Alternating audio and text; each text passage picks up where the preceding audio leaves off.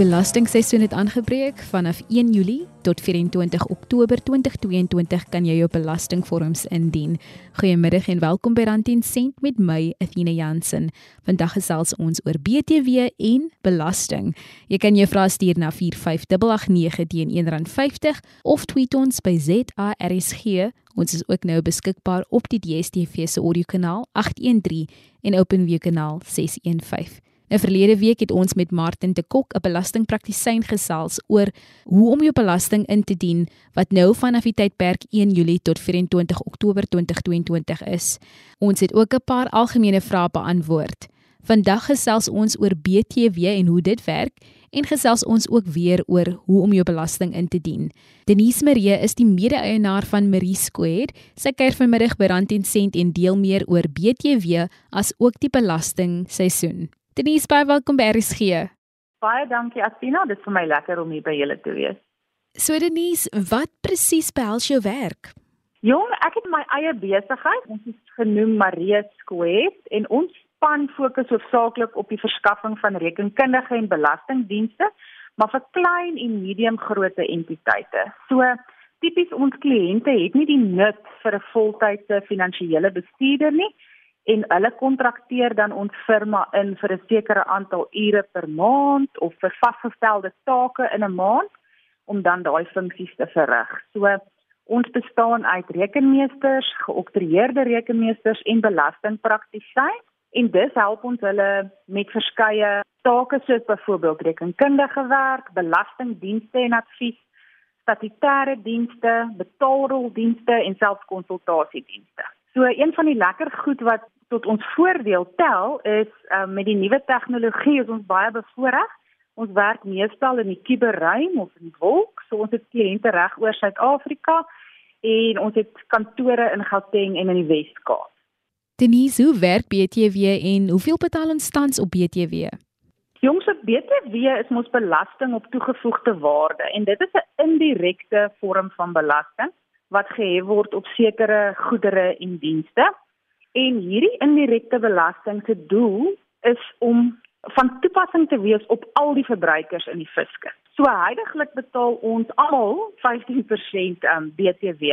En die interessante ding is toe BTW begin het destyds in 1991 het ons 10% BTW betaal Dit het opgegaan na 14% toe in 2013 en toe van 2018 af is dit nou 15%. So om dit nou eenvoudig te verduidelik, sou 'n item R100 kos. Dan moet die verkoper, as hy vir BTW geregistreer is, 15% BTW uitset hef op daai kosprys en dan verkoop hy die item aan jou vir R115.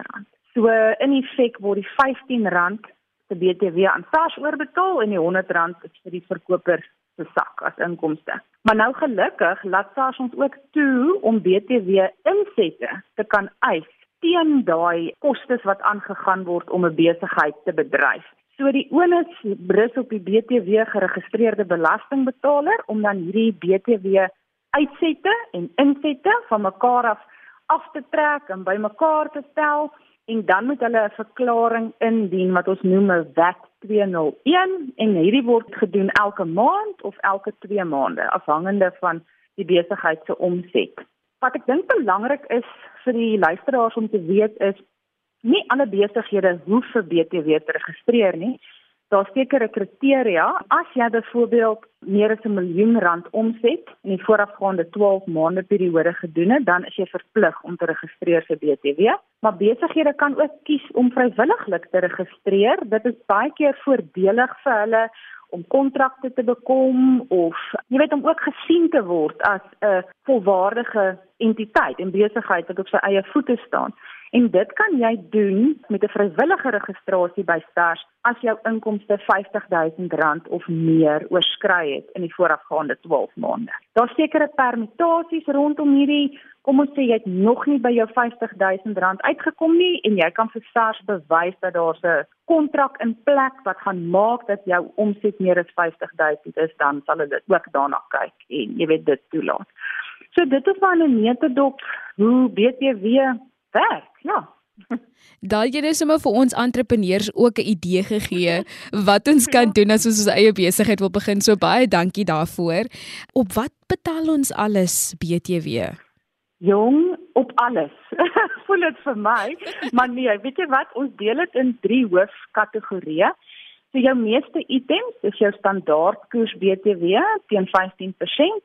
Dis die meeste goed wat ons aan kan dink. Dan kry jy jou tweede kategorie wat jou zero koers BTW is. So daar word BTW gehef teen 0%. Dit is 'n interessante teorie ek sal nou vir jou verduidelik hoekom dit so werk.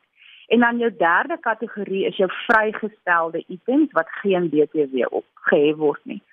So SARS onderskei tussen jou zero koers want op daai kategorie kan 'n entiteit die BTW insette eis waarop jou vrygestelde items omdat daar nie BTW gehef word nie kan jy ook nie insette terugeis teen daai kategorie nie.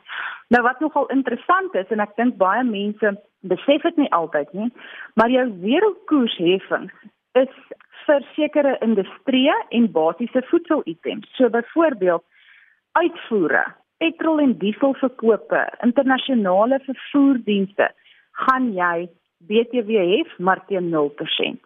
Dit geld nou ook vir as jy byvoorbeeld 'n lopende saak besigheid verkoop of sekere boerdery insette en sekere staatstoelaas.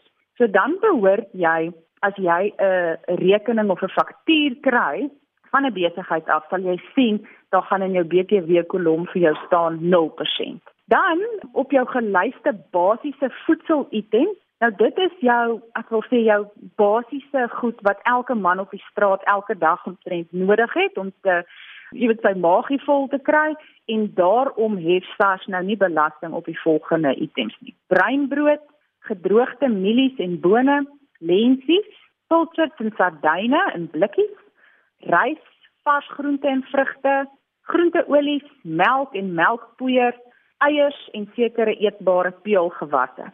Nou hierdie is nou nogal 'n kategorie wat baie um, tegnies kan begin raak.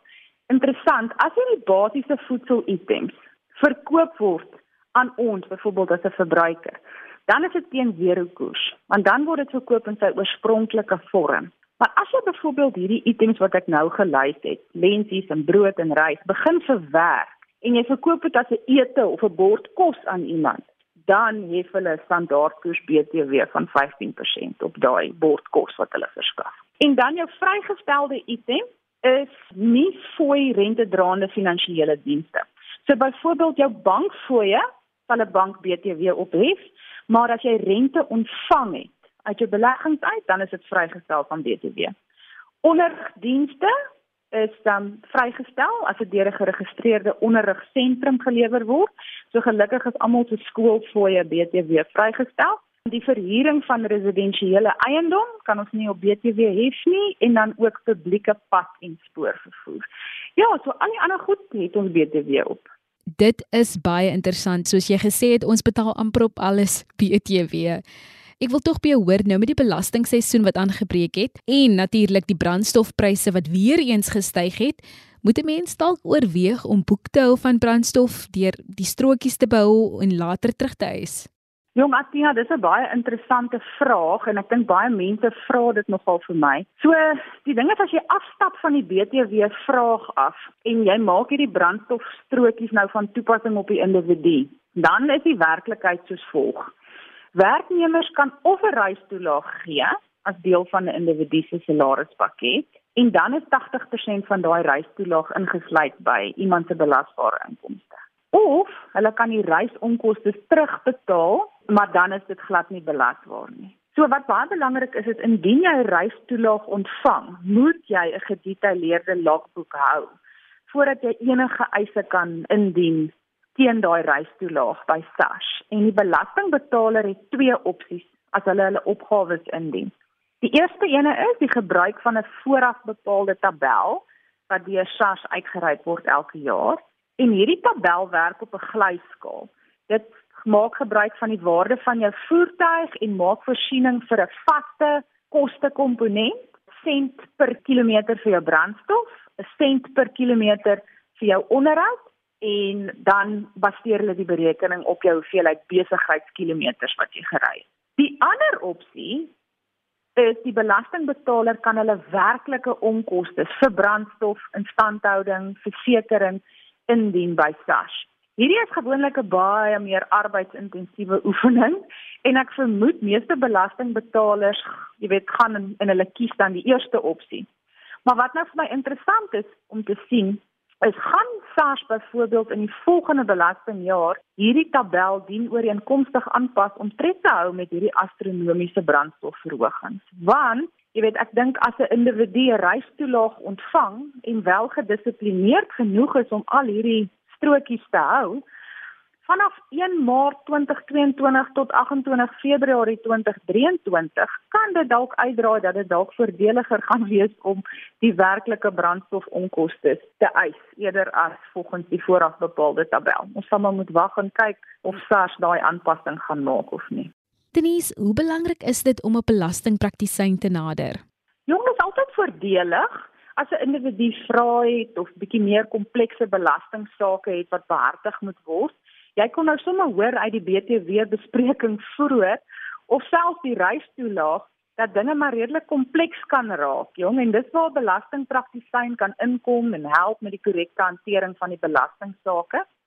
Maar ek wil ook baie sê dit beteken glad nie die individu kan nie self sy belasting sake hanteer nie.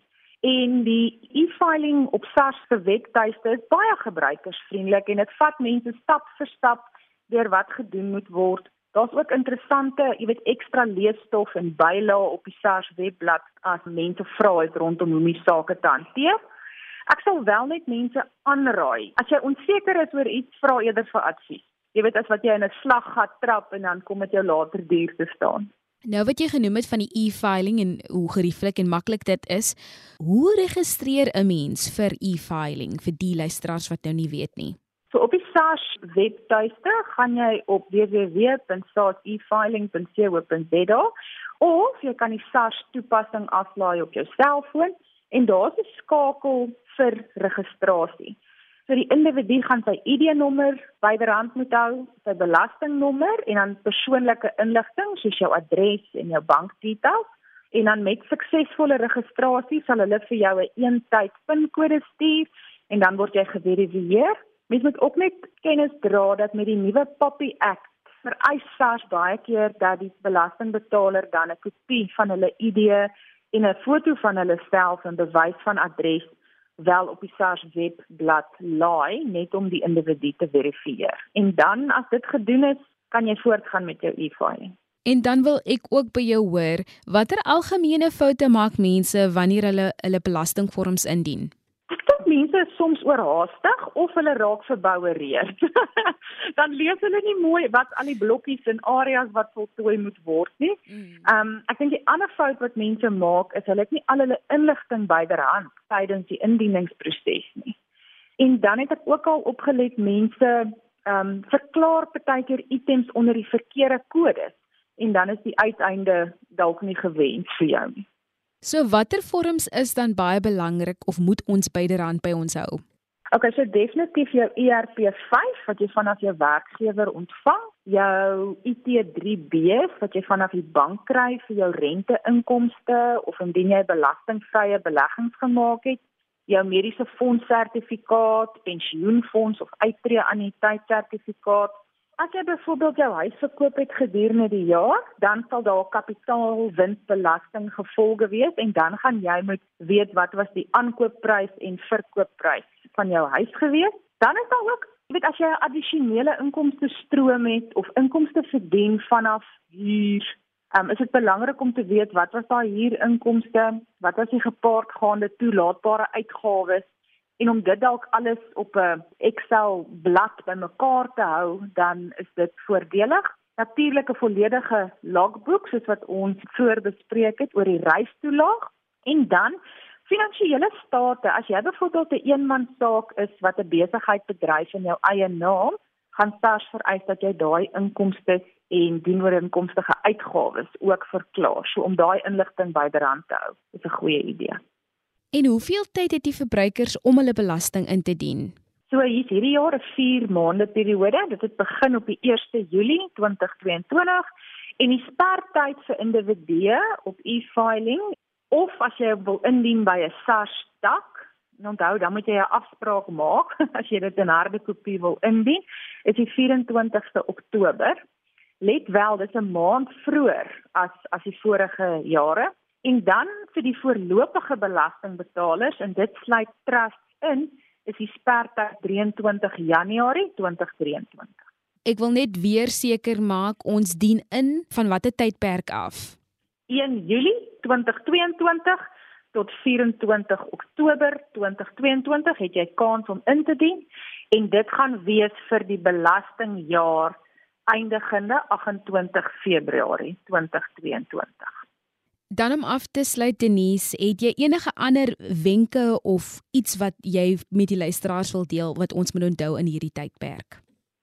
Ja, graag. Ek dink word gedissiplineerd en hou jou nodige belasting inligting byderhand en op datum. Jy weet, maak of harde kopieë of selfs 'n digitale leer oop vir elke belastingjaar en jy weet, stoor jou ERP5e en IT3B's wat jy ontvang vanaf al jou eksterne partye storie inligting daar en onthou dat as belastingbetaler moet jy jou dokumentasie vir 5 jaar hou voordat jy dit kan vernietig. Nog 'n wenk sal wees indien jou opgawe geselekteer word vir 'n audit, stuur maar, jy weet, eerder vroeër as later die inligting na SARS studeer. Gewoonlik gee hulle jou 21 dae tydperk, maar jy wil nie gevang word waar jy vergeet het van van daai spertyd nie. Onthou ook as jy dokumente stuur aan SARS om die wagwoorde af te haal van die dokumente af. Maak die dokument oop, gaan stoor hom iewers anders sonder 'n wagwoord of druk hom uit in harde kopie. Jy weet SARS kan nie die dokumente oopmaak as daar 'n wagwoord op is nie. En dan die laaste ene is indien jy byvoorbeeld 'n terugbetaling van SARS verwag en jy sien dit gebeur nie en dit kom nie deur nie, gaan op e-filing en maak seker dat jou bankbesonderhede korrek is op jou profiel en dat jou profiel geverifieer is volgens die POPI Act. Dis gewoonlik wat lei tot die oponthou en daar's frustrasie vanaf die belastingbetaler, maar dis iets wat hulle baie vinnig self ook kan gaan uitsorteer op die webwerf. Baie dankie vir jou tyd vanmiddag Denise. Indien die luisteraars direk kontak wil maak met Denise, stuur 'n e-pos na denise by mariesquared.co.za. Ek gee die spelling daar. Dit is Denise D E N I S E opstert M A R E S K I A R E D.co.za of besoek hulle webtuiste www.mariesquared.co.za. Vind vandag se rand en sent program op ons webtuiste by www.rsg.co.za. Op die potgooi skakel sal jy rand en sent se program vind met die belastingwenke.